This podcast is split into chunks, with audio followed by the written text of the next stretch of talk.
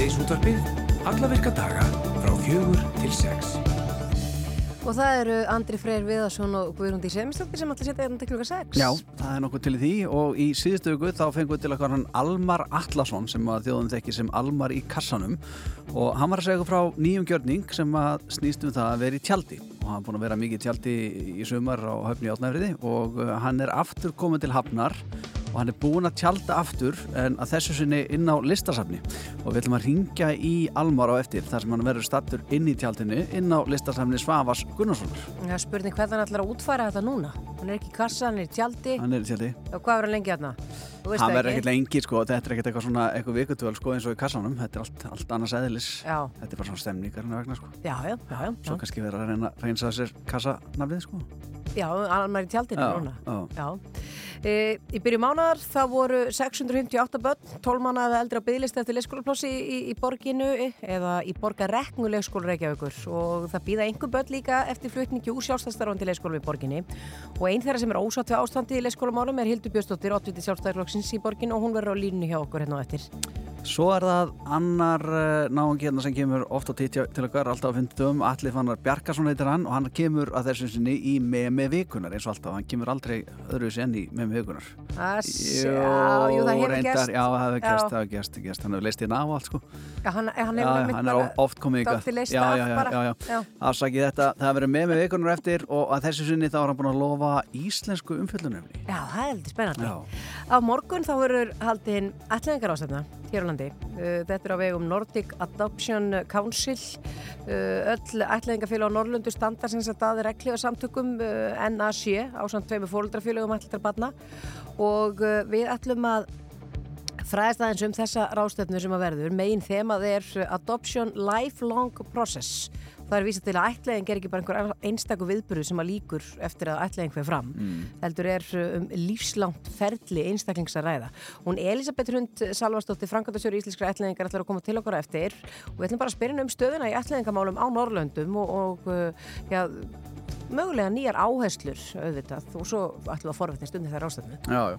Svo er það parið Rut uh, Siguradóttir og Kristján Torfi Einarsson sem komum til okkar eftir og ætla að segja okkur frá sínu ævintri en þau uh, seldu allt sitt og settu allan peningin í að kaupa trillu og uh, úr þessu var að gera kvimind sem heitir Skuld, heimildamind og það er búið að sína hana fyrir vestan, slóra rækileg gegn þar á skjaldborgarháttiðinni og nú á að leggja undir sig Reykjavík því að það var sína myndina í Bíapardís um helgina og þau ætla að segja okkur nána frá þessu ævintri Kostning hófst á minnati á hverfi mitt.is og öll sem eru fætt ára 2008 eða fyrir og eiga lögheimil í Reykjavík óháður ríkisborgarrétti getur tekið þátt í kostningunni og kostningin er eh, rafræn og stendur yfir til minnattir 28. september næstkomandi og það er einfalt að kjósa og tekur ekki nema örfóra mínútur en út af hvað gengur hverfi mitt og hvað er verið að kjósa um hingað er komin Eiríkur Búi Halldórsson verkefnastjóri, kontur sætla blessaður Sæl og blessu, takk fyrir að fá mig. Já, takk fyrir að koma og segja okkur aðeins frá þessu. Þetta er nú, að við gert þetta áður, hverju mitt?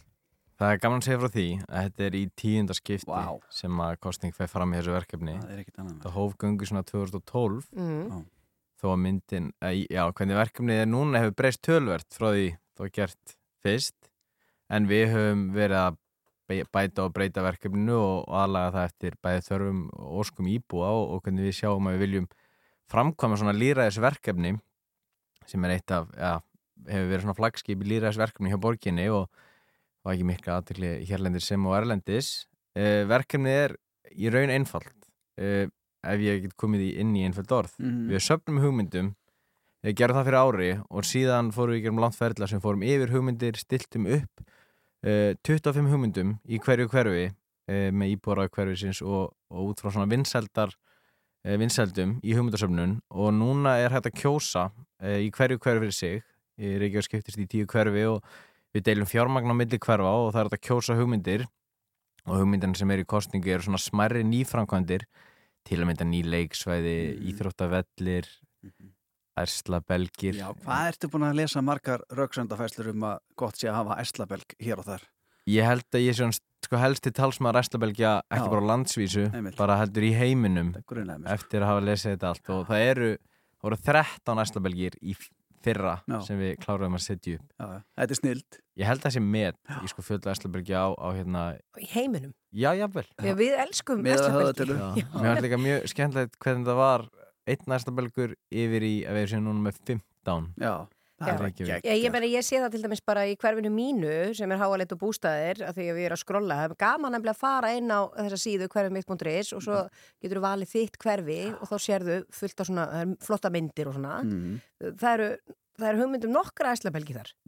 Já. Bara í þessu eina hverfi. Kjósa þetta maður. Já, ég menna, jú, jú, ef það er ekkert eitthvað annað sem mann langar frekar Þú í. vilt aldrei neitt annað en æslabelg. En hvað, getur þú tekið dæmi um vel hefnað svona verkefni? Æslabelgur í lögadalum. Það var náttúrulega ég, já, eins og ég tala ekki um annað Eslabergi, ég Já. var ekkert annað á haustum en það er eitthvað sem við erum mjög sátt við Mhm. tilmynda síðan er það ímislegt sem að íbor hafa verið að kalla eftir að það vera að endur gera leiksvæði við borgina kannski sem að, að gera ný í raun Mm. á, á uh, svæðin sem íbúinni telja mesta þörfi á og Mhm. síðan erum við með uh, íþróttavelli við svegar svona sportkort undirláð körbóltavelli finnst mér að hefnast vel við að þau höfum sett það Já. þetta eru hjólastandar þetta eru svona hjólaviðgerastandar þetta eru vasspóstar það er ég, ég vil reyna ég vil í raun meina að það ég sáttúrustu við er hversu mörg verkefni höfum tekið, þetta eru í fyrra eða svo til síðustu kosting 111 verkefni kosin Já, það eru 111 verkefni er sem ég þarf að já. fylgjast með Já. og taka eftir og við þurfum að samra við íbúa, við þurfum að sjá hvað þau eru að hugsa og, og framkoma eftir bestu getu í samræmi við óskir þeirra þannig að það er í raun bara svona í fjöldanum sem ég tel. Já. hefnina En, en eins og, í- Kólna. eins Þetta og var það ekki í fyrra það sem var verið að kjósa um hvort þetta setja sveppastittu í breiðoltið? það var í hugmyndasöfnun Það var Já. hugmyndasöfnun. Það fór ekki langt. það fór ekki lengra. Nei. nei, það Skellur. kemur ímislegt í þessu hugmyndasöfnun sem að sem að við þurfum sína að fara yfir og sjá hvað það samar um stöldum reglum og þess að það er svona smá Það er mikið að flippi þarna ekki. Það, það er að auka, það færist í aukana Já. Við erum alltaf förum í alltaf grunnskóla þar sem að er alltaf hægt að kjósa frá því þegar þú ert á 15. ári Mm. en í hugmyndasöfnun getur verið 10 ára Já, Þú veist, það er ekkert aldurstakmark þar og þetta er fyrsta kostning sem við getur kosið í Íslandi. þetta Já. er 15 ára, við lækkuðum þetta vorum einu sinni með 16 ára Mm. en það er svona fyrsti snertipunktur í svona hefðbundnu líðræði Hann er kannski. tíundi bekkur. Já, tíundi bekkur fær að kjósa Já. ef við erum komin á 15. ár Já. eh, sem að er, eh, við breytum niður í 15 meðal hans til að geta náð ég mitt inn í skólinu, við erum með svona líðræðisvakningu og aðeins eh, allt samtalið og, Mm. og svona um hvaða, Þannig að þau læri bara um það að þau getur verið já, virkir þáttakandur í þessu samfélagi með því að Já. kjósa. þetta er náttúrulega líðræðislegt samfélag sem í. Heyr, heyr. En svo stendur á líka síðunni ef maður er inn í hverfunum, þá stendur hvað hvert verkefni kostar. Passar. Og, og já, og þú ert með þarna til dæmis er 51 miljón í bóði fyrir Já. mig til að velja úr og þá get ég valið bara þangað til, þannig ég get valið nokkra smerri eða eina stóra eða eitthvað svona.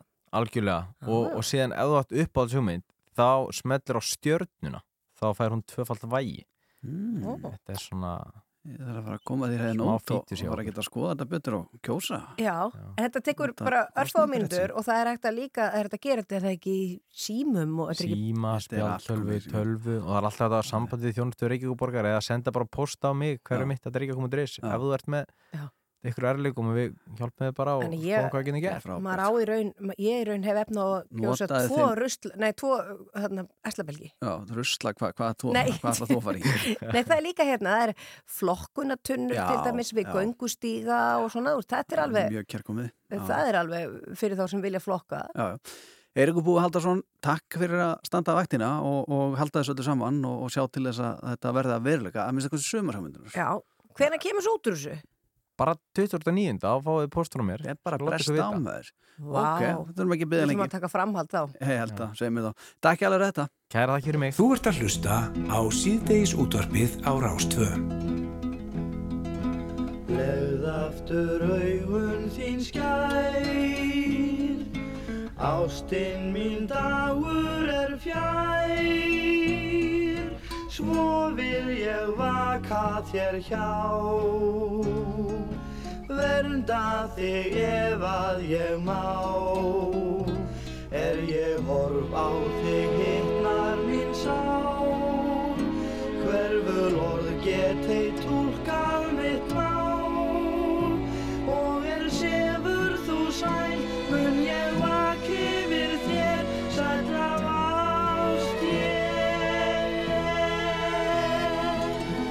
þú nú sætt og ró, sveipur í röggri og yr.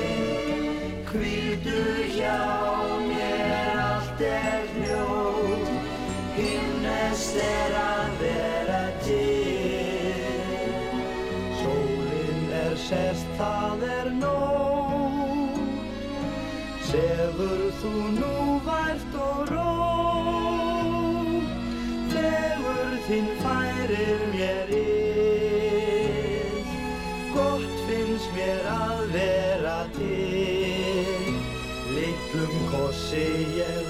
ég lauslega stel, lítinn þjófnað ég kossin þann tel. Og er sefur þú sæl, mun ég vaki yfir þér, sæll af ást ég. Sefur þú nú sætt og rót, sveipur í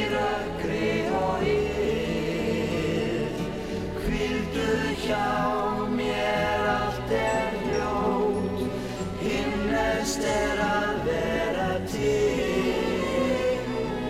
Aftur er augun þín skær, opnast þá verð ég þér nær. Vernda þig áfram ég vil, veita þér sælu og ill. Öðrum kossi þá aftur ég stel, aðeins þér alla ást mína fel. Og að síðustu ást mína segi ég þér, sæll af ást ég. Sefur þú nú sætt og rót, sveipur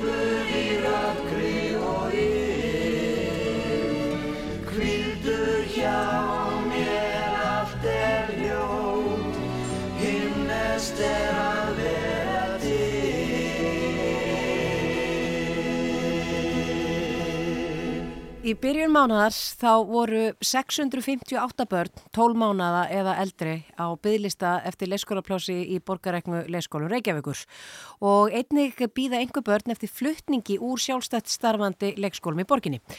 Einn þeirra sem er ósátt við ástandið í leikskólamálum er Hildur Björnsdóttir, oddviti sjálfstæðarflokksins í borginu og hún er á línunni. Kondur sæl og blessu Hildur. Komið sæl. Já, Hildur, þér hefur þótt meirlutin í borginu ekki hafa staðið sér nógu vel í að leysa hana vanda? Nei, við erum því miður að sjá hvort einasta haust þess að gríðarlega lungu bygglista þrátt fyrir ítröku lofur um að bæta ástandið og það áttu nú að vera svo, eða það var að mista kosti kostningalofurinn að það áttu öll tólmánaði börn að vera komin inn síðastliðið haust uh, en það, og þá ég við í fyrra. En, en það stóðst ekki, þannig að við erum auðvitað volið ósátt og við sjáum ekki beint að það séu neinar aðgerðir í farvatninu sem eiga að breyta, breyta þessari stöðu eitthvað. Já. Heldur þetta komið til með að versna þar sem að engar aðgerir er í farfættinu? Maður auðvitað óttast það, við, við eins og ég segi, lofurinn voru þau að, að börnir við að meðaltali 12 mánuða þegar þau kemist inn á leikskóla. E, um áramótin var þetta komið upp í um 20 mánuði og, og núna í sumar sáum við að meðalaldurinn var 22 mánuði þegar börnir að hefja yngungu á leikskóla. Mhm. Þannig að staðan er í rauninni, sko tölfræðin sínir okkur að staðan er að vestna. En þér hefur líka þótt, já, meirlutin í borginni kannski ekki setja þetta á oddin. Nei, maður er þetta, sko, ég, ég er þeirra skoðunar að leikskólamálun eigi að vera eitt af fórgangsmálunum og að fólk eigi að skinja að það sé raunverulega verið að setja þessi mál á oddin og, og setja kraft og tíma í að leysa þetta mál. Þetta er auðvitað, ég er ekki að láta eins og það sé eitthvað töfralaust með þessu vanda eða það sé þetta að leysa þetta einni nóttu. En það gerist auðvitað ekkert ef við, ef við reynum ekki og setjum ekki kraft í það. Og ég held að við þurfum líka að horfa svolítið kannski á, á nýjar lausnir. Uh, það, er ekki, það er ekki hægt að finna bara eina laust sem hendur öllum. Sumir vilja og kannski flestir vilja koma börnunum sínum inn á leikskóla en, en margir eru sefnir á dagfóröldrakerfinu og því miður hefur ekki verið staðið nægilega vel með því og, og dagfóröldrum hefur fækkað ár frá ári og við höfum líka lagt til, til að mynda heimgreðslur til þeirra fóröldra sem myndu kannski kjósa að vera lengur heima enn sem nefnir fæðingarólofi. Uh, það getur létt að byggðlist um leikskólana og svona, svo maður nefni eitthvað og svo væri ég nú til að opna samtalið um svona ennþá starri hugmyndir eins og að e, opna á kannski tilraunaverkefni í einhverjum skólum að taka móti fimmarabekkjum og, og það getur sömulegis létt á leikskólakerfinu og, og, hérna, og bara auki valkosti fyrir fjölskyldur í Reykjavík. Mm Og þá einhvern veginn hvað samþætta þá hafa þetta líkar á í frístund að vera með þá eitthvað skipilast þar á mótnana og svo gæslu kannski eftir klukkan tvö? Já, einn af öngum þess að við erum með þannig leikskólavanda eru þetta mönnunavandi. Það er erfitt að fá fólk til starfa og það er eitthvað pláss sem eru vann nýtt vegna þess að þeir ekki tekist að manna leikskólana og þá þurfum við þetta að huga því hvað getum við gert til þess að hérna, starfsfólki hugnist betur að vinna á leikskólanum í Reykjavík og eitt af því hefur verið að nefnt eh, er að skipulegja leikskóladaginn meir eins og grunnskóladaginn. Þannig að þetta faglega starf fari kannski, nú segir ég bara eitthvað tíma, frammilli 10 og 2 kannski og, og restin af deginum sé eins konar frístund og þá er þetta haga mönnun eftir því, þá erum við með fagmentaða leikskólakennara í faglega starfinu og getum svo verið með annars konar mönnun yfir þannan frístundatíma. Þetta er svona meira í líkingu við það hvernig grunnskólakerfið virkar og mm -hmm. þetta er mhm. eitthvað sem að leikskólakennarar hafa kallað eftir þannig að ég myndi vilja sjá svolítið kraft í að skoða einhverju svona breyting á kerfinu í þessa veru. Ja, uh -huh. Talað um grunnskólakerfið og að færa fimm ára bekki hugsanlega, það er ein hugmynd að, að eh, -huh. Mhm. það veri fimm ára bekkur bara í grunnskólum. Uh, myndi það ekki bara vandin færast? Myndi það ekki bara vanda fólk þar líka? Var ekki bara mannegla þá í grunnskólunum? Sko við getum rætt þessa hugmynd sem þá reysastóru lausna hlýðra reynilega grunnskólakerfinu. Þannig að börn bara byrji fimm ára í fyrsta bekk og, og ljúki þá grunnskólanum einu ára fyrr. Það er ein leið og þá værum við einmitt að horfa á kannski að geta nýtt mannaflan okkar betur, allt þetta kennaramentaða fólk því að núna mega kennarar hvort sem þú ert mentaður leikskóla eða grunnskóla kennari, þú mátt starfa í leikið eða grunnskóla, það er svona eitt leifisbref eins og það heitir. E, þannig að það verður auðvitað einn leið, það er risastór leið en Kópavóður hefur verið að gera tilraunir með að, að taka á móti í skólum sem eru með laustrými og það gerist í sumum hverfum og það er bara einhvern veginn líðfröðin í hverfunum er þannig að stundum bara vantar hennilega börn í skólana að þá hafa þau verið að gera tilhörinu með að opna fimmárabekki, svona leikskóladeild, e, svolítið eins og kannski fimmárabekkin í Ísaksskóla til dæmis og, og það hefur gefið góða raun og léttir það með þá þessum, þessum leikskólum í sveitafélaginu. Þannig að ég segi bara við þurfum bara að skoða alls konar lausnir og, og, og kannski prófum við hluti sem á endanum gangi ekki upp en þá höfum við allavega reynda en, en ég er svona kalla eftir kannski meiri kjarki umræðan um leikskólamálinn og við fórum að þess að ræða svona fjölbreytta lausnir og hvort að þetta kerfi sem að eru auðvitað fullt af stórkoslegu mannöði en er því miður ekki að þjóna fjölskyldunum í borginu eins og við viljum. -hmm. það er ekki alveg að virka þannig að við þurfum að gera eitthvað, eitthvað breyting það liggur alveg fyrir mm -hmm. En Hildur, að því að þessi leikskólavandi hann er eins og þú segir markþættur það eru her húsnaði sem hefur ekki verið viðhaldið og sem að gera það að börn get ekki verið í leikskólum og, og mm -hmm. síðan er það líka það að það fæst ekki fólk til starfa uh, þú hefur eitthvað talað um það að það, það gæti þurft að eða væri kannski einhver lausn að hækka laun leikskóla starfsmann og ég hugsa að það myndi gera þessa stjætt, já ennþá meira djúsi, fólk myndi freka vilja starfa þarna eða fengi já, betri laun. Uh, eru þið búin að reikna ykkur eitthvað í gegnum það? Hvað það myndi þurfa að hækka leikskólagjöld mikil til þess að geta hækkað bara þessa stjætt daldi í launum? Sko ég er nú ekki sjálf kannski kynnta sem lausna að hækka launin en það er eitthvað sem er oft sett í búkið í umröðina. Bara verður ekki auðveldar að fá fólki í þessu störf ef launin verða hækkuð. Og ég segi sem svar við því, ef við ætlum að taka þá umræðu, þá verðum við um leið að vera reyðbúin að ræða hvort við getum hækka leikskólagjöldin. Við erum auðvitað í Reykjavíkaborg að horfa mjög slæman fjárhag og erum ekki neitt í stöðu eða því miðum er neitt sögurum til að hækka laun, svo ég segja það bara umbúðalaust.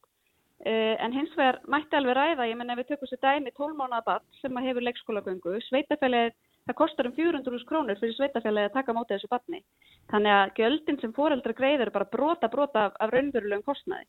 E, þannig að það, mér finnst alveg með að opna það samtal, það er mjög viðkvæmt, það er ekki margir sem þú voru að opna það, en, en hvort að það sé lausn að hækka örlítið leikskólagjöldin með, með góðum afsláttum fyrir tekjulága Eh, ef það tryggir okkur betri þjónustu. Og þetta er eitthvað sem við þurfum líka að hafa kært til að ræða og skoða. Ja, Nú erum við að tala svolítið mikið um að ræða og skoða og uh, tala um mm. hugmyndir. Eh, hvernig, eh, já, ertu bjart sín á það að þetta veri rætt já, fljótlega? Því að það er eflust margir að hlusta sem eru í agalegri stöðu og kom ekki börnum sem leikskóla og eru bara að mm. býða hvenar í óskupunum að þetta fólk að ræða saman? Ég veit að það er náttúrulega það sem er svo erfitt í þessu og þrýsti hópur hérna fóreldra leikskólabarna eru þetta hérna svolítið erfiður hópur vegna þess að hann, það er svo mikið reyfing á honum að fólk er í þessari stöðu svo stuttan tíma af æfinni e, þannig að fólk getur þetta ekkert beði lengi það þarf bara að fá lausnir strax þannig ég skil það alveg að fólki finnst kannski þreytandi að heyra einmitt talað um að ræða og skoða.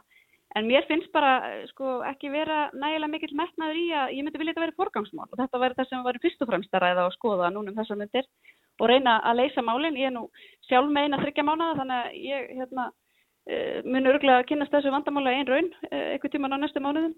Þannig ég hef alveg bara, og hef þetta alltaf haft fulla saman með fólki sem er, er í þessari stöðu. Mm -hmm. Hildur Björnstóttir, óttið í sjálfstæðisflokksins í borginni, takk fyrir að vera á línu hjá okkur. Takk fyrir mig.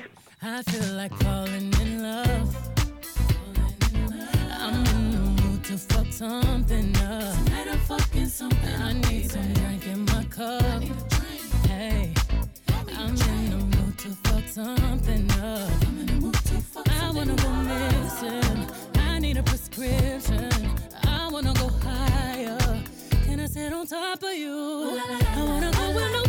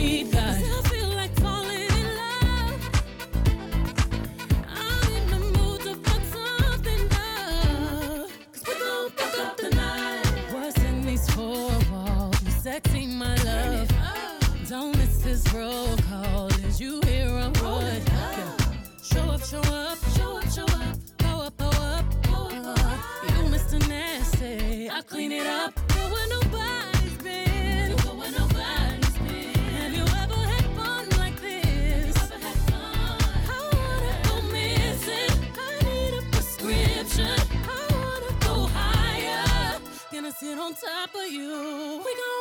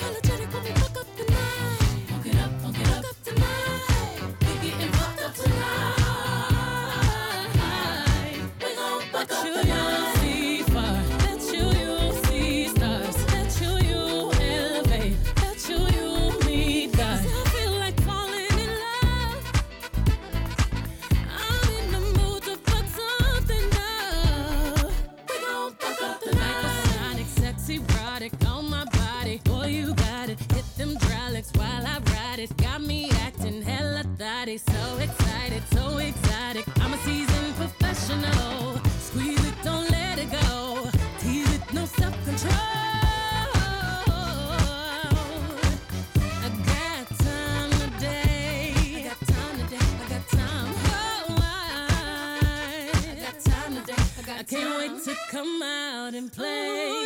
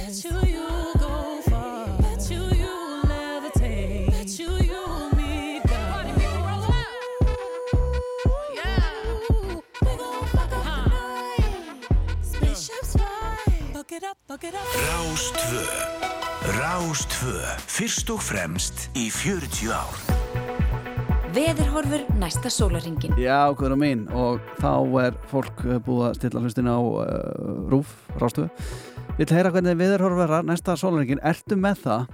Ég er með ímislegt hér. Eh, Í fyrsta lagi langar með að fara eins og við staðaspána núna klukkan 6. Já Uh, út af því að eh, ég sé uh, í þá gullu. Ná, er hún að glenna sig? Ekki allstaðar en hún er til dæmis í Reykjavík, 12 steg að hitti og sól, 8 steg að hitti og sól í Bólangavík, mm. 8 steg að hitti og Akureyri og sól, Já, já Egilstaðir, þar er 8 steg að hitti en skíjað og. Kirkjubæðarklaustur 10 steg að hitti og skíjað. Þetta er flott Uh, það sem mér þykir flott við þetta er að það eru rauðartölur Já, sem er einstaklega gott. Það er komin miður september. Já, já, ég, ég er marg búin að reyna að segja þetta. Það er búið að færa sumarið Lengi að það menna. Já, það er búið að færa í rauninni Það er ekki lengur eitthvað mæ júni það er júli, ágúst, seft Ja, það er misjamt kannski eftir la- landslutum. Það var náttúrulega stórkostlegur uh, júni fyrir austan. það byrjar þar, sumari byrjar þar svo færa það að segja hinga yfir Þú vilt meina það? Ég er að segja það Já. þetta er bara staðarindir Já, Áfram með smjörið hér, mín, mín, mín, mín reynsla var, var samt svo að Já. það grænkar fyrir hér fyrir sunnan og svo verður, það verður setna grænna allavega fyrir norðan, nú að því ég bjóð það sko. Mm. Já, já. En þetta er svona, þetta er alls konar. þetta eru kenningar á tíða Já, það er kenningar á lofti. Mm. Það er norðvestlega það breytilega átt, því til 10 metrar á sekund og daldi rigging með köflum á suðaustur og austurlandi, þurft í öðru landstundum og léttskíða vestan til, suðvestlegar á morgun og væta með köflum þegar að líður á daginn. Já. En yfirleitt þurft austanlands og hiti verður víða 7-13 stig við daginn. Ég er ekki hætt, Mm. Nei, nei, af því að þetta er sem sagt föstu dagurinn, lögadagur.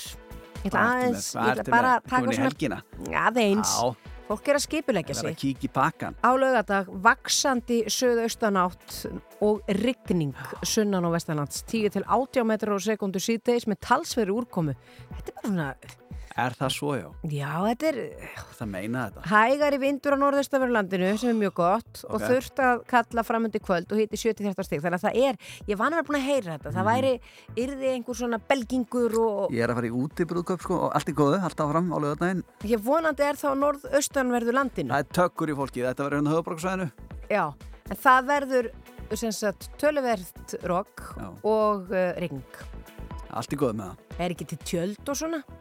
er það Er? Ég og Reglif, Hún fíkur, Andri, í þessu. hún er eins og ninja sver. Þarna myndi ég vera í ponchóinu. Regn. Já, það er Ponchóinu. Akkurat, flott Já, á þannig til að lána þeim með Á, þessu. geggja, Þetta er nú takk ekkit versen. Takk Ah, meiri segja svona fallega uh, hermana grænt. Já. Það er nú svona felulitur. Já, flott, töff eh, Hver er það í ammal í dag? Fullt af fólki. Ekki bara fólk, Vítaspinnan Hún á ammal í dag, hún var tekin upp á þessum degi 1891 og uh, það var fyrsta skipti sem Vítaspinna og var skorað og það var John Health uh, sem skoraði fyrir Wolf, Wolfhampton Wanderers Færð þú ekkit í magan þegar eru vítaspyrnur í boltarum? Ég horf ekki á bolta. Árið 1946 þá voru að færingar sem að samþyktu í þjóðaratkvæðagræslu að lýsa yfir sjálfstæði og yfirlýsingunum var síðan hafnað af dönum, illafúlir.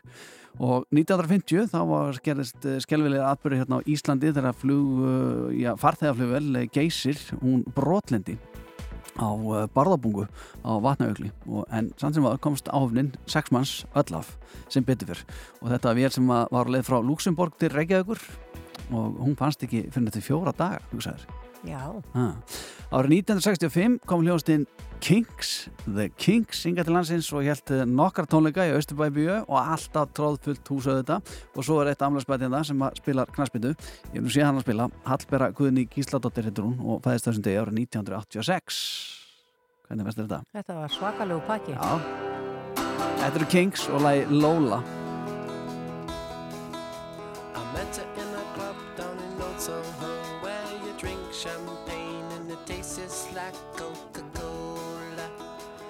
C-O-L-A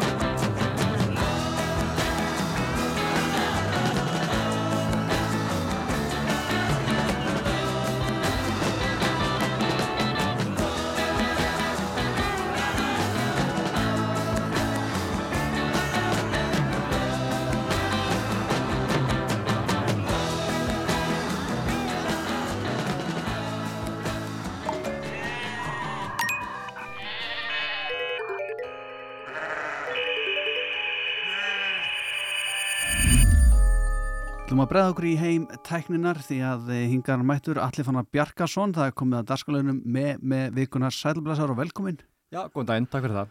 Já, ég ætlum minn, það er ímislegt sem ættir að taka fyrir þegar kemur að samfélagsmiðlum og Heldur því betur. sem stormar um eh, þessa miðla okkar sem eh, við kallum samfélagsmiðla. Já. Eh, hvað eh, dregur nú upp úr pokahóðninu núna? Sko, núna langar mig að vera með íslenskt með mig. Já. Það er nú svolítið skemmtilegt. Skemmtilegt, já. Og þá er ég ekki að tala um eitthvað svona, eitthvað sem er bara, við sem við Íslendingar erum eitthvað að pæli, heldur alþjóðlegt íslenskt. Er þetta með mig sem hefur komist út fyrir landstæðuna? Já, sko, ég myndi segja að sé bara, sko, við séum, sko, við erum bara áhórundur. Veist, heimurinn er bara, er þarna og við erum bara að fylgjast með hérna á litla skerinu, því þetta er um laufey. Já, já, já. Og laufi okkar. Já, já. Sem er núna bara, eins og við vitum, að bara gjössamlega slá í gegn. Það er gaman að þú sétt byrjar að nota laufi okkar. Já, það er að því nú er hún orðið Já. það stór og Já, æðislega. Nú er hún orðið Einmitt, okkar. Nú er hún okkar sko og hún er alltaf gáð plötuna Bewitched bara á dögunum Aha. og við erum búin að lesa fyrir eftir um hversu hvernig hún stormaði um Spotify til dæmis slóðu ykkur með og ef maður skoða Spotify núna þá er hún með vikulega hlustendur upp á einhverja 13 miljónir Já. Uh, platan er sko, ef maður tekur sko laun á plötunni, mest spilaða lægið á plötunni er From the Start Mm. sem að heitir, eða sem heitir From the Start og er sem er komið upp í 108 miljónir wow. hlustana og, og hlustana sig og, og, og uh, lögin eru svona á bílunu 800.000 upp í hinlaun upp í 26 miljónir hlustanir Þetta er rosalega Þetta er bara svona tölur. stjartfræðilega Og þannig tölur erum við bara að tala um spotan. Já, þetta er bara Spotify og við erum yfirleitt ekki að tala um Spotify hér Nei. Og yfirleitt erum við að tala um TikTok hérna Mhm. það við erum að reyna svona, við erum að reyna að, að, að sko varpa ljósi á heim sem er mörgum hlustendum dulin Já, maður kynna þjóðina, eh, þjóðinni fyrir þessu. Men þess að það er svolítið mikið að bara yngra fólki á TikTok, við erum ekki mikið þar en við viljum vita hvað er í gangi þar Já. og Laufey er nefnilega svolítið sniðu þar Já. og hún kann greinlega að- að að nota þennan miðl en þess að TikTok er eiginlega er orðin svona leiðandi sko afl í tónlistarheiminum það, það er að segja sko tónlistamenn eru svolítið farin að stíla inn á að slá í gegn með einhvers konar lagabútum á TikTok sem fólk setur undir eigin mymbönd Já. og þannig byrjar sko lögin að storma um TikTok Já, já. Þetta er þegar margir fóreldrar eru með hissa á því, betur hvað akkur strákunum bara byrja að hlusta á hérna Everybody Wants to Rule the World Já. með, með Tears of Fears Nákvæmlega. Akkur er þetta á spilanlistam hans Nákvæmlega, já, já. þá er það TikTok Já, einmitt og þá, þá poppa upp svona lög og þá bæði gömul og ný og en svona með, með nýju lögin og þá er oft suma grunar að tónlistamenn sem hreinlega farið að sko semja lögin eftir þessu Mhm. og mér finnst það ekkert skrítið persónulega en þess að við vitum alveg til dæmis að að eftir dæmis bara geisildiskunum kom að þá breyttist alveg veist, hvernig mö- hvort samtið tónlist Já, eða kassetan eða vínillin eða, þetta er bara miðill. Einmitt. Og þetta breytist alltaf eftir miðlun Já, bara með, eins og bara með hiphoplötur til mér, allt í hennu voru bara milli allar að laga bara einhver leikþættir og allar, allar plötur voru bara 70 okkar veist, í staðin fyrir 50 þá voru það fyll, eitthvað. fyll út í já. og platan gæti ekki verið svona löng. Nei. Þannig að miðillin svolítið stýrir svona, ef við ætlum að vera eitthvað gömul og öskra á eitthvað skí, gammal fólk og öskra á Það- skí það þýðir ekkert. það þýðir ekki neitt Nei. þannig að þess að við erum bara að upplega nýja já. og þetta eru, þetta eru stuttbrót og ef við komum aftur á löfi þá Mhm. er hún, hún er snið og í gerðkvöldin þá byrti hún sem sagt lítið myndband með litlu broti úr þessu lagi hér við heyrum þetta lagið Second Best sem er af plötunni nýju I'll never forget how stupid in love I felt. I'll always regret how I couldn't ever tell. og þetta er svona, þetta er svona ástarsorgarlag þetta fjallar um hvernig hérna, hvernig svona, hún var, hún var svona an, já, var, var ekki í fyrsta sæti hjá einhverjum og e, e, þetta er mjög sorglegt. Já, já. og myndbandið, hún er, hún er góð í þessu hún, hún, er, hún er bara myndbandið er stutt en tilfinningaþrungið hún er með, með tárin í já. henni, henni laufi okkar. Og svo það er ekki að spyrja því, þetta kom í gær og nú eru bara mörg hundur manns og taka þetta brot og setja eigið myndband undir. Já Og hver tengir ekki við þetta að einhver sem að þú þekkir ert eh, skotin í Já. er að koma og ræða við um að hans er skotin í einhverjum Í- öðrum já. og það tengi allir við, þetta er ástin og allt þetta Nákvæmlega. en, er hérna, að beða um að hætta að tala um nákvæmlega þetta. Nákvæmlega. en TikTok, virkar það þá er hún með þá fylgjendur á TikTok hvernig er það? Hvað Já, já, sko. Laufið okkar? Hún, Já, ég er Hún- bara að velta sko- með hvort hún sé með massa fylgjendur á TikTok af því þetta er frekar ungi krakkar á TikTok Laufið er með 2,8 miljónir fylgjita á TikTok. Þannig að þið sjáu, þetta er, þetta er sæmilegt. Já, og um leið og þetta fer á flug að einhverju fara að nota þetta yfir kannski andliti og sjálfur sig grátandi eða undir Já, því og já, eitthvað svona sjálfur, Já. þá náttúrulega byrjar þetta Þá er spurning hvað gerist og þess vegna vil ég að við séum tökum smá framhalds með mig þessa vikuna. Já. Það er að segja í næstu viku skoðu við Já. hvar, þarna, hvar þetta lag uh, Second Best Já. hvar það verður á Spotify Já. það er í dag er það ekki eitt af mest spiljulögum plötunar Mhm. örgulega eitt af minnst spiljulögum plötunar Já, já. en þetta, kom bara inn í gerðkvöldi en nú gæti þetta farið á flug, þetta Já. gæti fengið vangi þetta er, þetta er komið af stað, ég, ég fletti í gegnum bara einmitt hundru myndbanda sem að aðdáðandur hennar út í heimi Já. eru að skrifa hvernig þau voru ekki í fyrsta sæti hjá þeim sem voru skotin í Mhm. og einmitt eins og þú segir, fólk tengir við þetta Mhm. allir. En allir, allir, ég verða að spyrja það einu Já. fyrir fólkið sem er fast í umferðinu núna eða er heima undir bókvöldmattin eða bara eitthvað að gera Já. og er að hlusta á okkur uh, og eru ekki með TikTok nei hvernig fær fólk sér aðgang að TikTok? Það þarf þess ekki, það hlusta bara með mig og allir segja hvað er að gerast. Já, maður þarf alltaf bara að fara að ná í appi og skrá sig Þetta er ekkit flóknir af það? Nei, nei, ég mæl, og ég mæla alveg með því að fólk sko gerir þetta og vitur svona hvað er í gangi hérna en ég vil byggja fólk um að fara varlega vegna þess að það er ótrúlega auðvelt að detta ofan í þessa TikTok kaninu hólu Mhm. niðurlinni mjög snöggur að lesa, lesa þig hvað þú vilt sjá og þegar, þegar þú ert byrjuð að- að að skrolla hann í gegnum þetta þá er bara eiginlega ekkert aftur snúið. Svo miðl sem ég oftast heilt fólk segja sko, nei ég er búin að eða TikTok.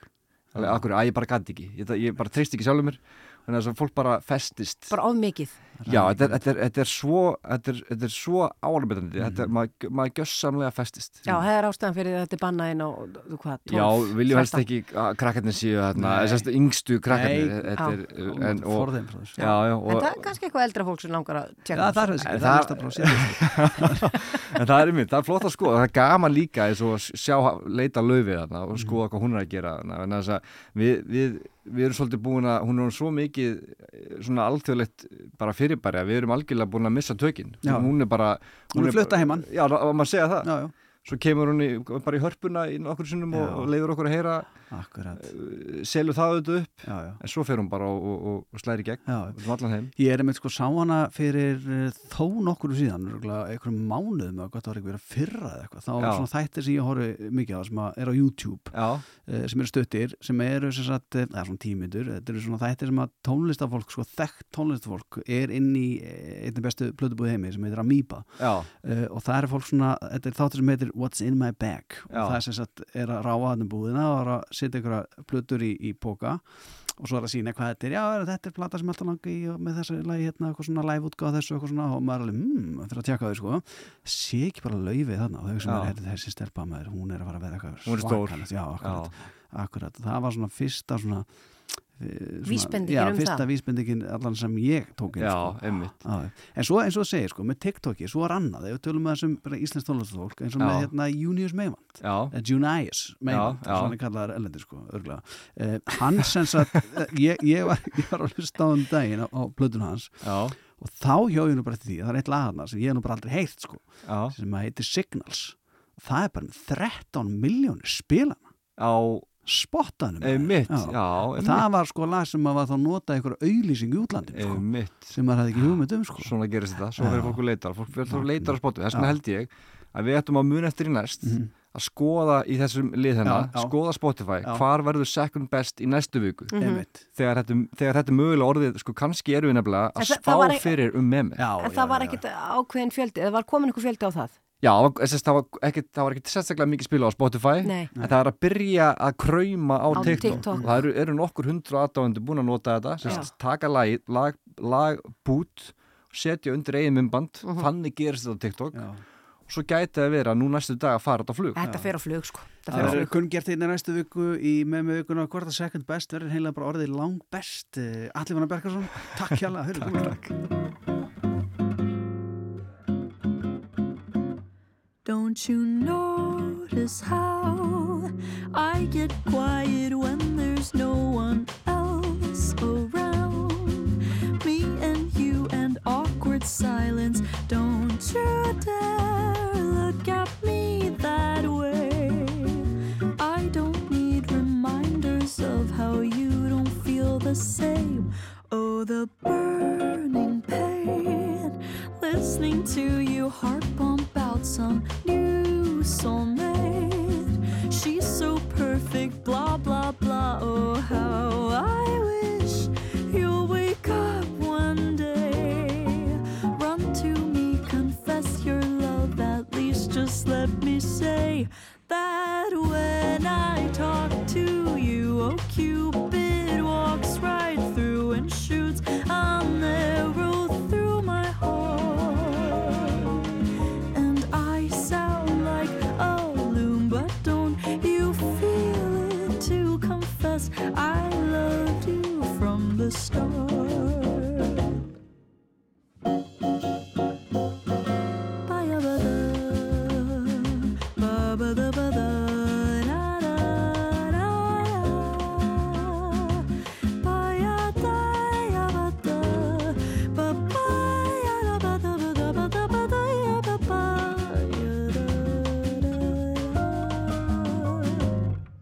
What's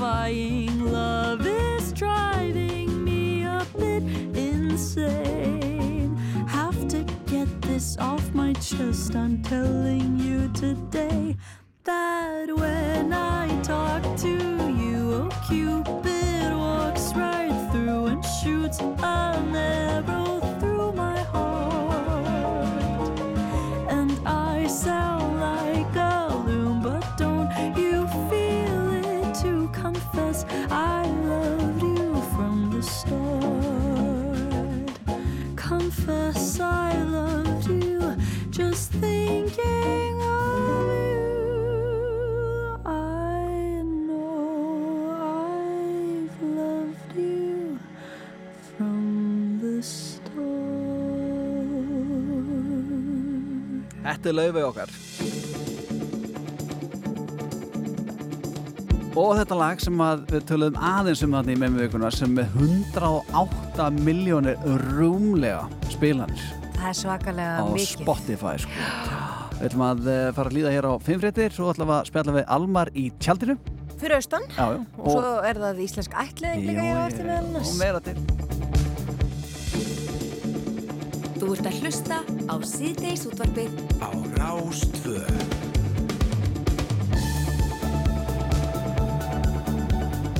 Já og í síðustu viku þá vorum við að spjalla við hann Almar Allarsson sem var að segja okkur frá uh, dvölsinni á höfni í Hotnafyrði þar sem hann var uh, í sumar að mála myndir í tjaldi. Og nú veit svo skemmtilega til að Almar er aftur komin á höfn og uh, hann er búin að tjalda aftur en að þessu sinni er hann ekki úti hann er inni hann er inni á listasafni Svavars Gunnarssonar og hann er á línu hjá okkur Sætla blessaður Já, góðan að blessa. Æja, hvernig fenn nú um þig inni á listasafni í tjaldi? Herru, þetta er bara eins og að vera í rómversku guðubæði. Ég var nefnilega ekki búin að regna þá það er golfeiti hérna á safninu. Akkurat En er það ekki gott fyrir pilsurnar? Sittur það ekki bara á gólfið og, og býður? Jú, þetta er algjör nefnilega luxus með það, sko. Ég verið að bora kaldar pilsur í allt sumar mm. og svo nú get ég bara stungið þessu, eða lagt þetta svona magan á mér, sko. Svona er það. Já, já Þetta er eindislegt og svo rifjir aðeins upp fyrir okkur, fyrir hlustundur sérstaklega sem að, eh, já, voru ekki að hlusta í síðustu ykkur. Hver, hver er tilgangurum með þessu nú?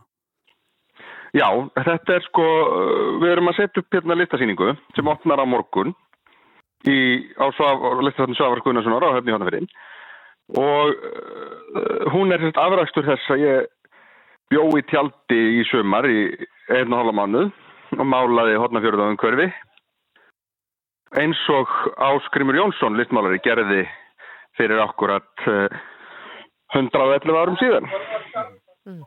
Og fyrir þá sem ekki heyrðu eða ekki vita, hvað náður að mála margar myndir? Sko ég er nú að sjá þær í fyrsta sinn núna hérna inn á safni síðan ég málaði þær sko og fann þær týndar út um allan bæ. Og það komu sko það komu rúmlega 60 myndir í leitirnar. Já, einmitt. Þú varst að mynda auðlis eftir myndinvendan síðan sjá okkur og, og uh, skilaði eitthvað sér þannig eða? Já, það var ótrúlegt hvað fólk hringdi mikið inn í það vantaði svo að losna við kjárvalsverk Já, Ég var sko, það var búið að krassa almar yfir kjárvalin í hotninu Já. en ég læti ekki blekkjast svona öðurlega sko nei, nei, nei, nei, nei. Nei, þú manst svona nokkuð neginn hvað þú hefur málað, sko.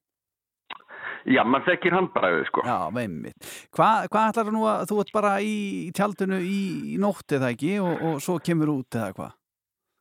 Jó, ég reikna með sko að sofa bara út í fyrramáli Já. og vakna svo þegar gestirni bara mæta 8 upp og 5 Já, einmitt.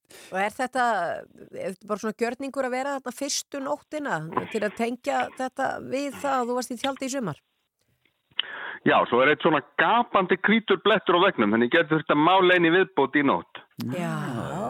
Spennandi. En mér svona finnst erfitt að hérna að ljúka þessu á einhverju uppsetningastressi bara en ekki, ekki útilegunni sem þetta er. Sko. En myndur þá mögulega mála uh, það sem fyrir augum ber þá inn á safninu og kannski tjaldið inn á safninu eða? Já, mér finnst, svona, mér finnst svona líklegt ég reyna að mála mynd af einum af sko fallegu hvítu galeriveggjónum. Já, jú, jú, það reynda væri náttúrulega mjög hugulegt verk. Já, s- smá svona roðkó stemming og, og lítið vinna. Stríðarnir koma yfirleitt hvítir. Já, já. Einmitt. Já, en mjög sniðut. Já, sko, nú, nú erum við Gunna Almar bæði að austan og uh, maður mann það nú hérna í, þegar maður bjóð þarna í gamla daga þá þegar voru að koma svona listamenn og, og fyrðufuglar sem að þú ert nú vissulega e, þá var fólk svona, hm, veitir hvað, já, já, hvað svona, leit fólki svona hotnauga. E, hvernig eru hotfinningar að taka þetta? Því að nú ertu komin aftur. Sko það hefur hvergi verið vel tekið á móti mér og í hotnafyrði. Já, einmitt. Í Reykjavík er ég bara enn einn byrðið inn á skattgreðundum sko já, já. og skiptir engum máli hvað ég panta mér óspennandi eða einfalda kaffidrykki það allir að maður sé eitthvað lattilegjandi sko Já, já. Mm. en hér er tekið á móti mér með því líkum höfðingskap að ég hef ekki kynst öðru eins Já, auðvitað gott fólk að fólkið í búðinni og, og allstar bjóða manni allir gistingu undan því að það kemur óveður sem ég hef ekki þurft að þykja Nei, einmitt. og fólk heilsar manni með nafni þegar mann fer í sund. Já, Já, já, þú það er gert. og þetta er bara þetta er ákveðin svona fantasía. Já. svo gisti ég hjá sko, já, gi- gisti ég hérna sko nótt á leiðinni hjá einhverjum bónda sem tók á móti mér þannig að þetta var svona eins og sem maður verið lesið um svona næturgreiða sko en aldrei Aldrei upplifað. En allaru, nei, maður er bara en allaru að setja Þetta heldur að eða allaru að fara eitthvað, eða fara aftur í borginna fljótlega? sko ég verð nú eitthvað hér en, en því víðar þar sem ég er heima komin sko því betur lífið held ég sko Já, já, já. það spurning hvort maður tekur árnesrepp næst fyrir Já, akkurat, gaman. Það væri flott með þér. En hvenær á að taka úr lás á morgun og leipa fólk inn og, og sjá áreksturinn? Herru, klukkan 5 á morgun Já. Já. verður hér lifurapilsa og rúpa og, og allir velkomnir. Er, er þetta alma sölusýning? Sko, þetta er á safni þannig að þetta er ekki sölusýning. Nei, þetta er ekki Það virkar að þannig. Uh, þetta, er ekki, þetta er ekki sölusýning sko með beinum hætti. En þegar sýningun er lokið þá á ég allar myndirnar og, og auðvitað sjálfsagt að hafa samband og kíkja á þeim. Já, já, jú. Dásanlegt, eh, Og- uh, hvað sér, og hvað? Ha? Og hvað? Ég var bara eitthvað að maldi í móin. Já, já, flott. Uh, Almar, takk fyrir spjallið og uh, við segjum bara njóttu uh, já, næturinnar og hérna gangið vel með þetta og endilega bara tróðið í sem volkum pilsum, gólfhitta. Og rúb, rúb, volkapilsur og uppbyttu knorsúpa síðan í gær. Egið gott kvöld. Já, semleis, blessaður.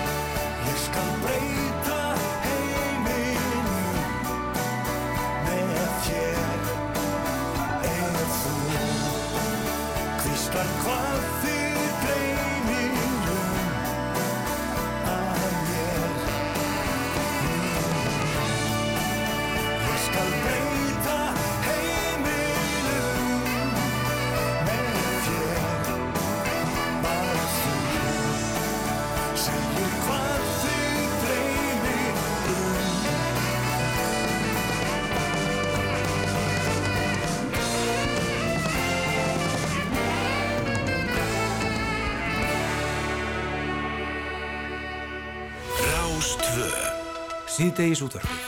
Málefni líðandi stundar frá fjögur til sex á Rástvöðum.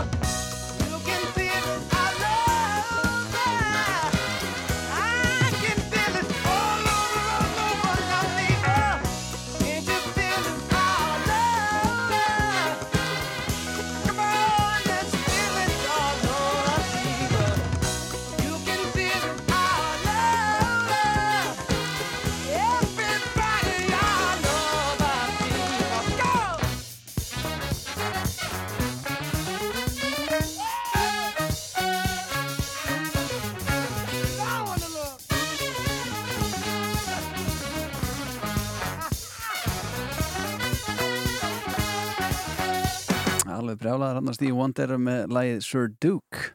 Á morgun þá er haldið inn ætlaðingar ástefna hér á landi á vegum Nordic Adoption Council eða NAC.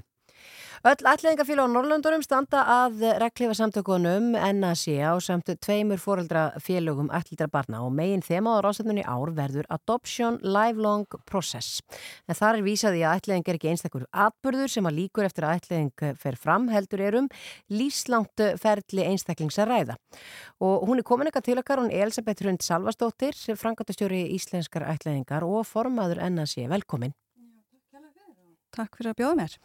Uh, já, þetta er þemað í ár að uh, lifelong process. Þetta sé ákveðið ferli sem þurfa að vinna með áfram eftir að barn hefur verið ætlind. Já, sko, ætlingamálaflokkurinn hefur breyst mjög mikið svona síðustu ár og fæst svolítið meira frá því að vera engungu í þessu milligöngu hlutverki, sem að það sé að koma börn til landana af því að það hefur dreigið úr því, það er dreigið úr alþjóðum ætleggingum en á móti hefur þá komið meiri krafa um stuðning, ráðgjöf og fræðsla og þjónustu og þess vegna svolítið erum við að hugsa um það og áastan á morgun er að fólk ger sér grein fyrir því að þó að ætleggingin sé lagalega sé búinn, að enda það ferli þá er bara svo miklu, miklu meira sem er eftir.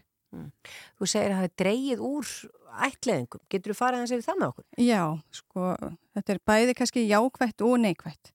E, það hefur náttúrulega verið hérna var árum áður stór lönd sem að voru að ætlaða mörg börn frá sér og þeim hefur sumum verið búin að loka þegar þá ætlingasambandi verið sliti við þau lönd uh, vegna þess að uppkomstum bara ólega starfsemi.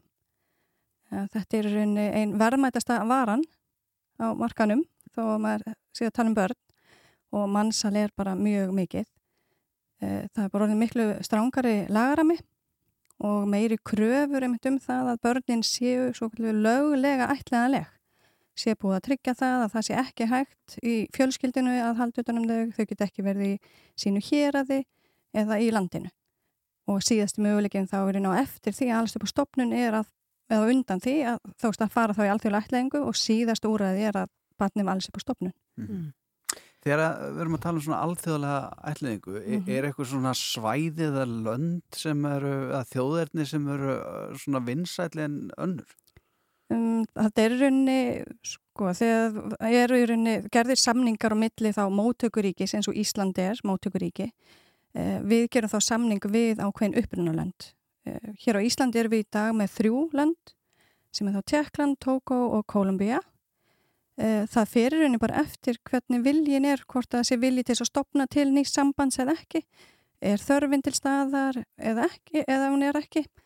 Eh, við erum flest börnin sem hafa komið til Íslands núna undanverðin ár eru frá Tjekklandi og þau eru af svona, Róma uppruna og í Tjekklandi eru mjög miklu fordumar fyrir Róma uppruna og þannig að þessi börn myndu þá bara þurfa alast upp á stopnun ef þau fari ekki alþjóðlega ætlingu. Mm. Hvað eru verið að ætliða mörg börn hinga til lands árlega? Þetta er ekkert mjög mörg. Í fyrra var sérstakt ár þar sem að það komu engin börn til Íslands. Þessu ári er unni eitt barn komið og fjölskylda vantilega fljótlega að fara og svo upplýsingar með önnu börn. Eh, 2015 komu 20 börn, svo hefur þetta verið svona 5-6 börn. Já, en eins og í fyrra þegar það kemur ekkert börn, var Já. þá fólk að býða samt eftir börnum og bara ekkert í gangi eftir COVID eða hvernig er Já, það? þetta er raunni mörg þessi landa sem að við erum í samstarfi við lendu í, ver í COVID heldunum við. Uh, Tjekkland var líka stríði við Úkrænu sem hafði mikil áhrif. Það voru börn að fara á mill yfir landamærin frá Úkrænu til Tjekklands og þá í rauninni fer áherslan á það, að tryggja öryggi þeirra uh, og þá náttúrulega bara býður fólk á byðlistanum og þess vegna þá er náttúrulega mjög mikilvægt að vera þá til staðar og styðja og því að þessi byði getur verið mjög löng, hún getur verið frá nokkur mánuðum frá því að þú komið með samþykja á byðlista í upprunn landinu þar til að færð bann, það getur verið upp í, já, nokkur mánuður upp í fjóru og halvt ár. Já, sem er mjög langur tími. Já. Þegar þú segir að þegar ætlingu er lokið þá er svo miklu meira eftir. Mhm. Hvað áttu við þar?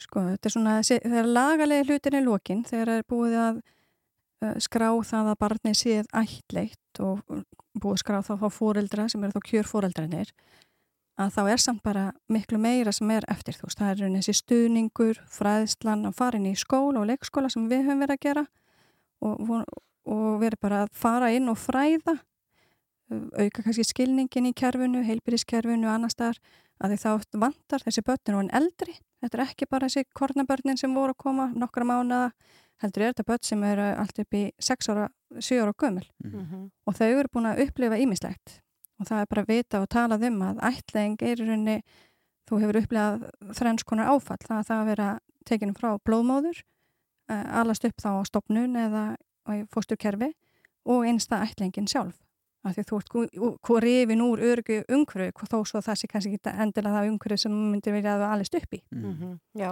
en það er Þannig að- umhverju sem það þekkir. Já, þannig að þessi börn eru ofta að upplifa bara þegar að þau eru gangi sín, gegnum sín þroskaskeið, þú veist bara verða úlingar og sjálf kannski líka þegar hún er fullorðin og eru að hugsa um að fara í barnegnir og þá koma upp ýmsar spurningar. Einmitt, viltu fara að leita uppbrunni þins eða ætla að leita uppbrunni þins bara til þess að leita að uh, blóðfóreldrum eða bara til þess að finna einhverja rót eða tengingu við landið sem það kemur frá. Já, eða mögulega sjúkdóma eða eitthvað Eða sem mögulega erfast. sjúkdóm. Þannig að það er rauninni það sem að er svona mikið eftir það og við náttúrulega, svo eru við rauninni, þau sendum við, þurfum að senda til upprunaríkjana svona eftirfylgin skýslur uh, sem að þau rauninni eru bara með ákveðna kröfur um og það er líka að fylgja því eftir en svo er bara einmitt að vera stuðningur það er 40% meiri líkur að það sé fæðingaþunglindi heldur en, eða ætlingaþunglindi heldur en fæðingaþunglindi uh, það er ekki sérstaklega ringt fyrir því. Þannig að að- hefur orðið svolítið kulnun sérstaklega hjá móður, móður með mæðurunum þær eru reyn, vilja standa sér vel og þú ert með mottor frá Íslenska ríkinum það að þú ert velhæfur fórildri Já. þannig að þú kannski ert ekki að leita eins mikið eftir aðstóð Og svo kannski eins og þú segir, hefur byðin verið mjög löng og það lítur að taka á andlega líka og Það svo gerir það. þetta loksins og Já, kannski loksins og þú ert kannski að fá bat sem að jú, þú ert búin að vera að reyna undirbúið fyrir það að það verði erfitt, en kannski bat sem að lemur þig eða vill ekki að þú faðmið það. Já. Þú veist, það eru mjög erfiða tilfinningar að takast á við. Já. Og þeir eru að fara að halda þessa rástefnu og hún er á morgun og þarna eru þið að koma saman. Er mikið samstarf á Norrlandunum? Já, það er mjög mikið samstarf. Er, við erum mjög virk samtök, sérstaklega eins og stjórnin sem er fyrir samtökin. Þetta er, þetta er lítill málaflokkur og hér á Íslandi er mjög mikilvægt fyrir okkar geta leita til annar landa og það er mjög mikið samstarf og við jökum það svolítið á COVID-tímum og lærðum að nýta tæknina betur og höfum svolítið haldið, þú veist, verið með þú veist, svona fræðslur á netinu og, og þannig tengingar af því það skiptir svo miklu máli. Við erum með svipaða hugsun. Já. Varðandi bara ætliðingar í heiminum eins og þú varst að segja á þann að þetta er náttúrulega það, það, það er búið að loka á einhver lönd og, og allt þetta en náttúrulega verið að vinna eftir ákveðnu stöðlum. Er þetta að verða, er kerfið alltaf að verða betra og er, er verið að, eða hvernig er þetta að þróast? Eða er að verða Já. erfiðar að ætliða eða, eða er þetta að þróast í þá átt að, að það er verið að hjálpa fullt af börnum og svo þá fóreldur sem get ekki átt börn og Það er bara, það er svolítið misjamt. Eh, Það er náttúrulega, er vel ekki meira áslag kannski að aðstofa þau ríki þar sem að, að byggja upp félagslega kerfið sem er mjög ákvæður þá, þáttur. Mhm. En þetta er, tekur lengri tíma og börnin eru eldri og þá er vita að þau eru með meiri, þú veist, eru með tengslaröskun eða þurfa meiri aðstof þegar þau koma inn í sína fjölskyldu. Þannig að það er svona, það er margt jákvætt en það er mjög margt neikvætt líka. Já, að það er allt reynt til þrautar áður en fer í, til já, ætliðingar. Í rauninni. Og hvað, það er ekki allir mætt á morgun, það er að segja, eru bæði að koma, að- já þá fólk sem að hefur ættleitt og, og það eru sérfræðingar hérna, hvernig er það? Já, þetta er rauninni blanda af þeim sem er að vinna í ætlingafélagunum og það er bæði þá þeir sem hafa ætlit eða eru ætliti sjálfur. Svo eru líka bara að koma fagaðilar og einni svona miðstjórnvöldin sem að sjá um ætlingar í þá norður, á Norðurlöndunum. Mhm. Þannig að þetta verður alveg svona, já, þetta er stór breytilegur hópur. Já, og verður vantarlega mjög fræðandi. Já, við vonum það allavega. Við allavega erum alltaf spennt fyrir þegar að- þessar ástunir eru. Þær verða, verður ástæðnan aðgengileg fyrir þá sem að komast ekki. Já, við erum með, búðum, bjóðum upp á það að fólk gegn vægu gjaldi getur tekið þátt í og fylst með á netinu Já. og það er að fræðast um það inn á isotop.is og nánar upplýsingar. Já. Frábært, bara gangi ykkur vel á morgun Elisabeth eh, Salvastóttir hjá Íslenskri ætlaðingu. Takk fyrir að koma til okkar. Takk kærlega fyrir.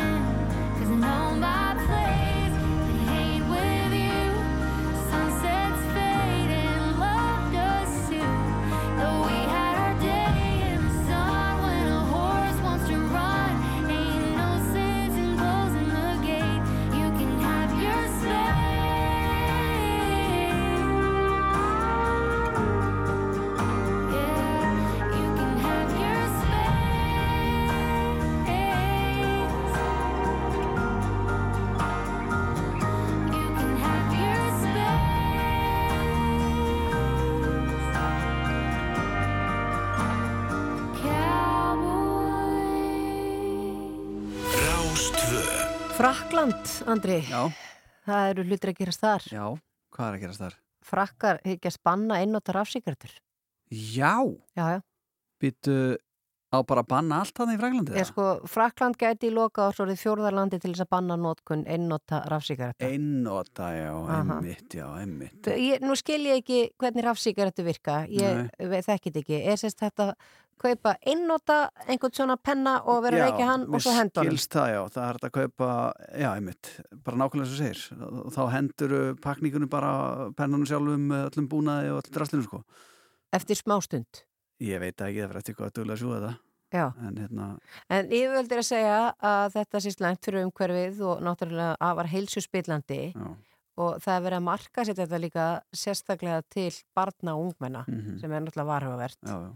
og, uh, og þeir ekki spanna þetta eða veip vegna þeirra hættu sem það skapa fyrir umhverfið og líðelsu. Já, já, já. Og þetta er í vinslu frumvarp þess efnis Já.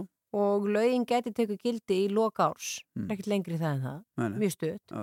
Og svipa bann er gildi í Belgíu, Já. Írlandi og Þýskalandi og hefur verið til umræðu í Breitlandi. Já, nú var frakkar mjög duglega að mótmæla alls konar Já. og það verður bara allt vittlust bara ef að, að hækka verða á sigri eða bensíni eða hvernig sem það er þá kveikið þið bara í bílum Það er bara allt lagt í rúst, það er Aha. spurning hvernig þið taka þessu en talandi um mótmæli, þá var ég með, hérna, var að sjá hérna frétta mbl.is að hluti fanga á litlarunni mætti ekki til vinnuða náms í dag e, til að mótmæla báum aðstæðum, lágum launum, skorta á verkanum og þeim fáu úrræðum sem þeir hafa og formaður afstöðu félagsfanga, hann til mótmæla ekki réttu leiðina en segir fanga þá hafa takmarku úrræði til að berjast fyrir sínum málum. Ég heyrði þessi fréttunum í dag að uh, fangar fá greitt tímakaup Já, já. ef þeir eru að vinna Já. og hvort það var 400 og eitthvað krónur á tíman Ekki mikið. Nei, Nei. 415 eitthvað svo leiðis, minni mig að ég hef. Já, Já, já. Uh, svo fá þeir dagpenninga ef þeir hins vegar eru ekki að vinna Mhm. þá fá þeir uh, dagpenninga og það er gert til þess að þeir geti haldið mannlegri reist Aha. eins og það er orðað bara fá eitthvað til þess að vendarlega og kannski þurfa þeir að kaupa sér sjampo og bara, allt sem þeir vilja. Það eru 600 eitthvað krónur dagpenningarnir já en býtu Já. já en þú kannski Já, þú getur- 600 kall á dag. á dag, Já, það ekki það hefur ekki hækkað Nei, síðan árið 2006 Akkurat, Ekki- allt annað hefur hækkað heldur betur. ekkert í takt við verðlag og neitt annað sem að er náttúrulega fárlagt Já, það er illa farið með fangan á litlarunni, það er ótt að segja það. Nei, það eru að fara með þá gott fólk að vinna að þarna og allt það Já, ég en ég er bara að tala um þe- þetta hvað þetta var þar. Já, þetta er allt í klessu Já, þetta er fáránlegt. Eh, Nóðum það, við ætlum að eh, hlusta næstan að GTRN og lag sem heitir Vorið. Það er ekki vor núna Já, ég myndi nú spara stóraðurinn sko. Mér skilst þessi samt 15 stöðu hitti út og sól. Hvað er það annað en vor? Já, Hvað er það það er rosalega langt í vorið. Nei, nei, þetta er fínt maður, ég get ekki Ah. beðið eftir almennlegum kulda hérna. Það var eitthvað að tala um það daginn að það eru engi svona auka frítaða núna bara fyrir nú jól. Og er það vandamálega það? Já, það er alltaf voða gott að vita veinum Finnst þið leiðilt í vinnunni? Ég elska vinnuna. Já, hvað, hvað, hvað Það er kannski ekki allir í þeirri stöðu. Nei, nei, nei, nei, það er svo sem ekki, það er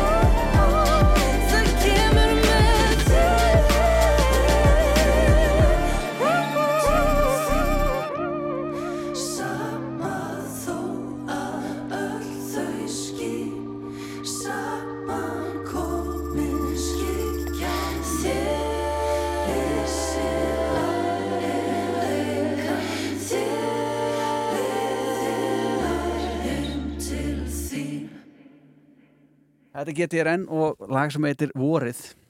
Uh, heimildamindin Skuld, hún verður frumsýnd í Bíóparadís, lögadaginn 16. september næstkomandi. Það búið að sína þessa mynd fyrir vestan, Já, sló í gegn.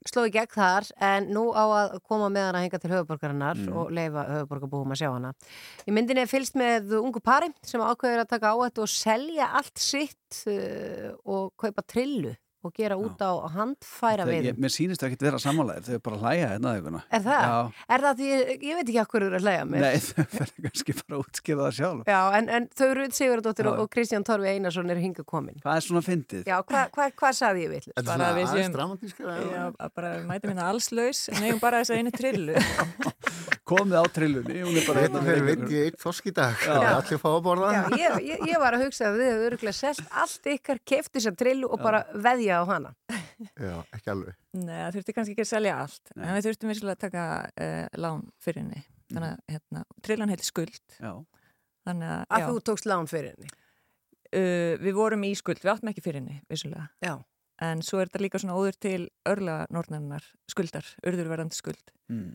þannig að hún hérna, var svo sem að óvefi framtíðar Já. þannig að þetta er svona smá orðalegur Er ennþá skuld á trillunni? Erum við ekki komin í plus?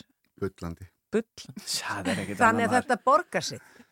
Ef maður kann þetta og ef maður kaupir sér ekki dýratrillu og hérna já, þá er þetta sjens sko. Já. en hérna, hann er ekki þetta er ekki sjálfgjöf Nei, nei, nei, nei. Og hvað þurfið að fiska mikið? Eru þið alltaf bara út að sjó eða, eða hvað? Nei, við getum sagt bara að fiska hérna í þessu strandtiðikerfi Akkurat Já, akkurat hérna, sem er þessi fjóri mánuðir og pottur en fór þannig núna þessa vertíð að potturinn kláraðist bara þegar tveir mánuðir voru Já. þannig að gluggi núna í ár til þess að reyka trilluna voru tveir mánuðir Það er lítið, þannig að þá væntalega hafið þið þurft að róa mikið.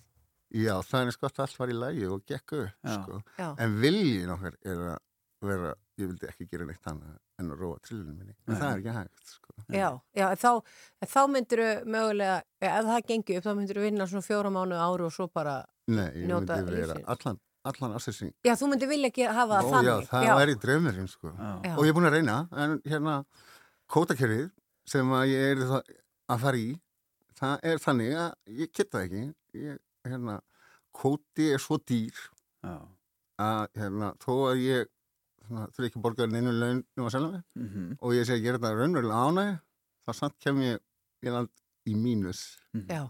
Að það er bara Nú, nú sé, skrítið. Nú sé ég fyrir mér um leið og sagði kótagerðin það var fullt af fólki sem skiptum stöð Já, akkurat, við skulum ekki tala meira um kvotan Nei, ég held reyndar að fólk verður alltaf, það sperrir eirun held ég þegar það heyri kvotakerfi. Mér heyrist honum þykja þykja mjög gaman að vera að sjó. Er, er þú samanlega, finnst er þetta skemmtilegt? Já, mér finnst reyndar eiginlega skemmtilegast á bryggjunni.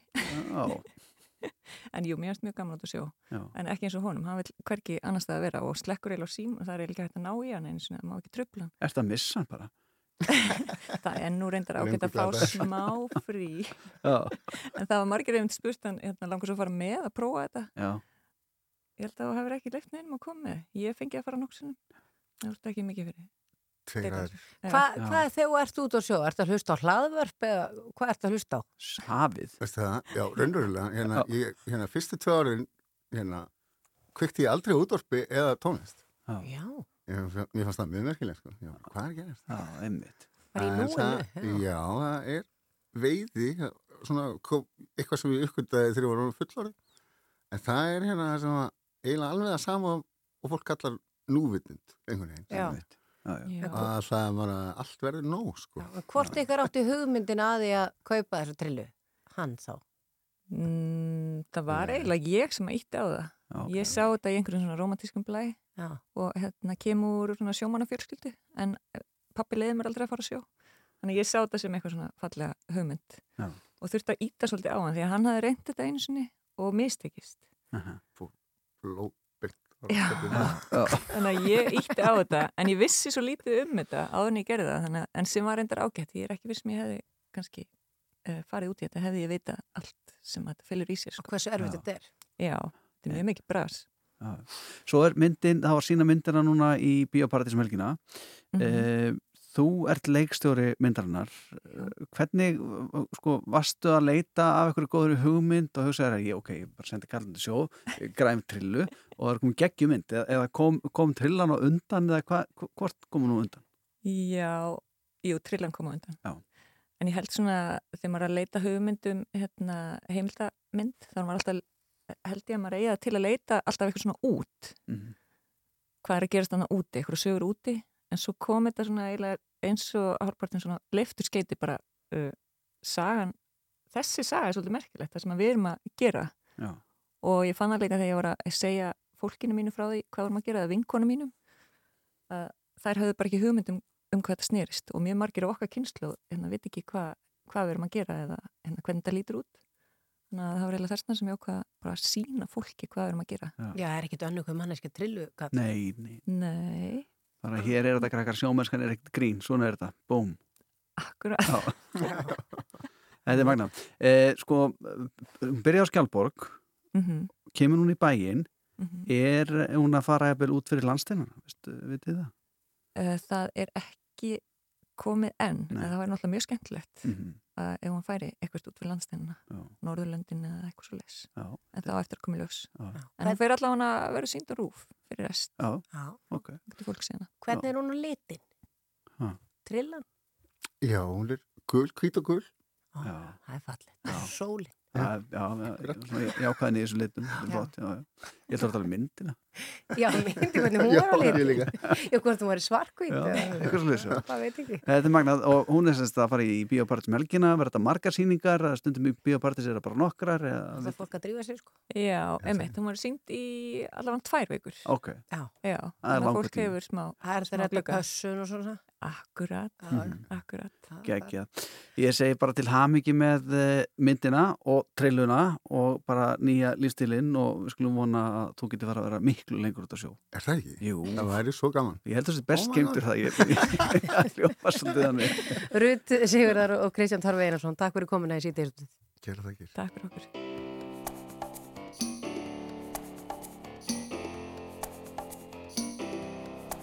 See you driving round town with the girl I love, and I'm like, forget you.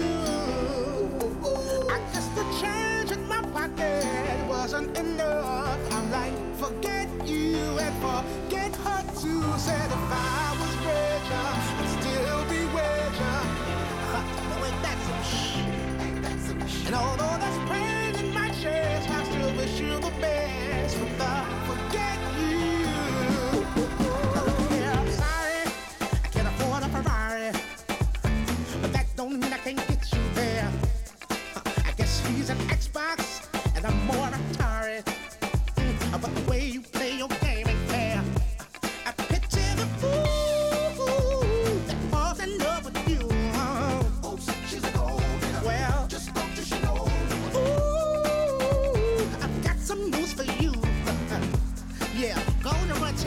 boy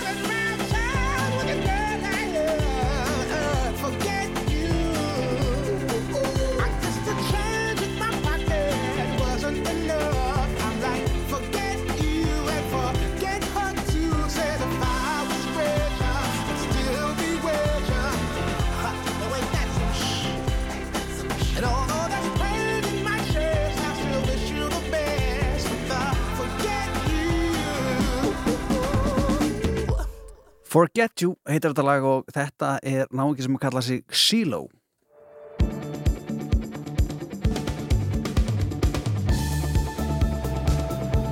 En já, elskunnar, þá er eh, já, reynilega komið að lokum hér í síðdeisöldafinn dag. Voru dásamlegt að vera með ykkur eins og alltaf. En góðu fréttinur þær að við eh, verðum aftur hérna á morgun. e, fyrir sumamestökusti, þá er það mjög góða fréttir. Aðra, ekki svo, en þetta er nú bara staðarinn málsins, við ætlum að kveði hérna á Jónfrí og þetta er lag sem heitir er að speilin sem tekur við, við, við segjum bara bless bless og farið valaðum úti og við erum auðvitað góð hvort við annað alltaf.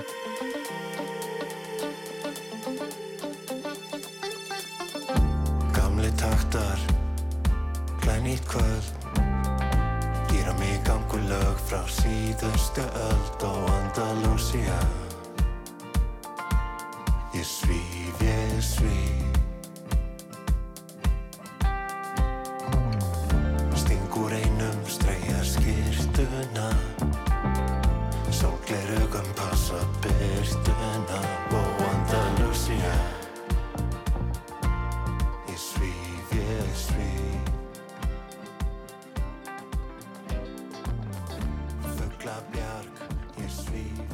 free.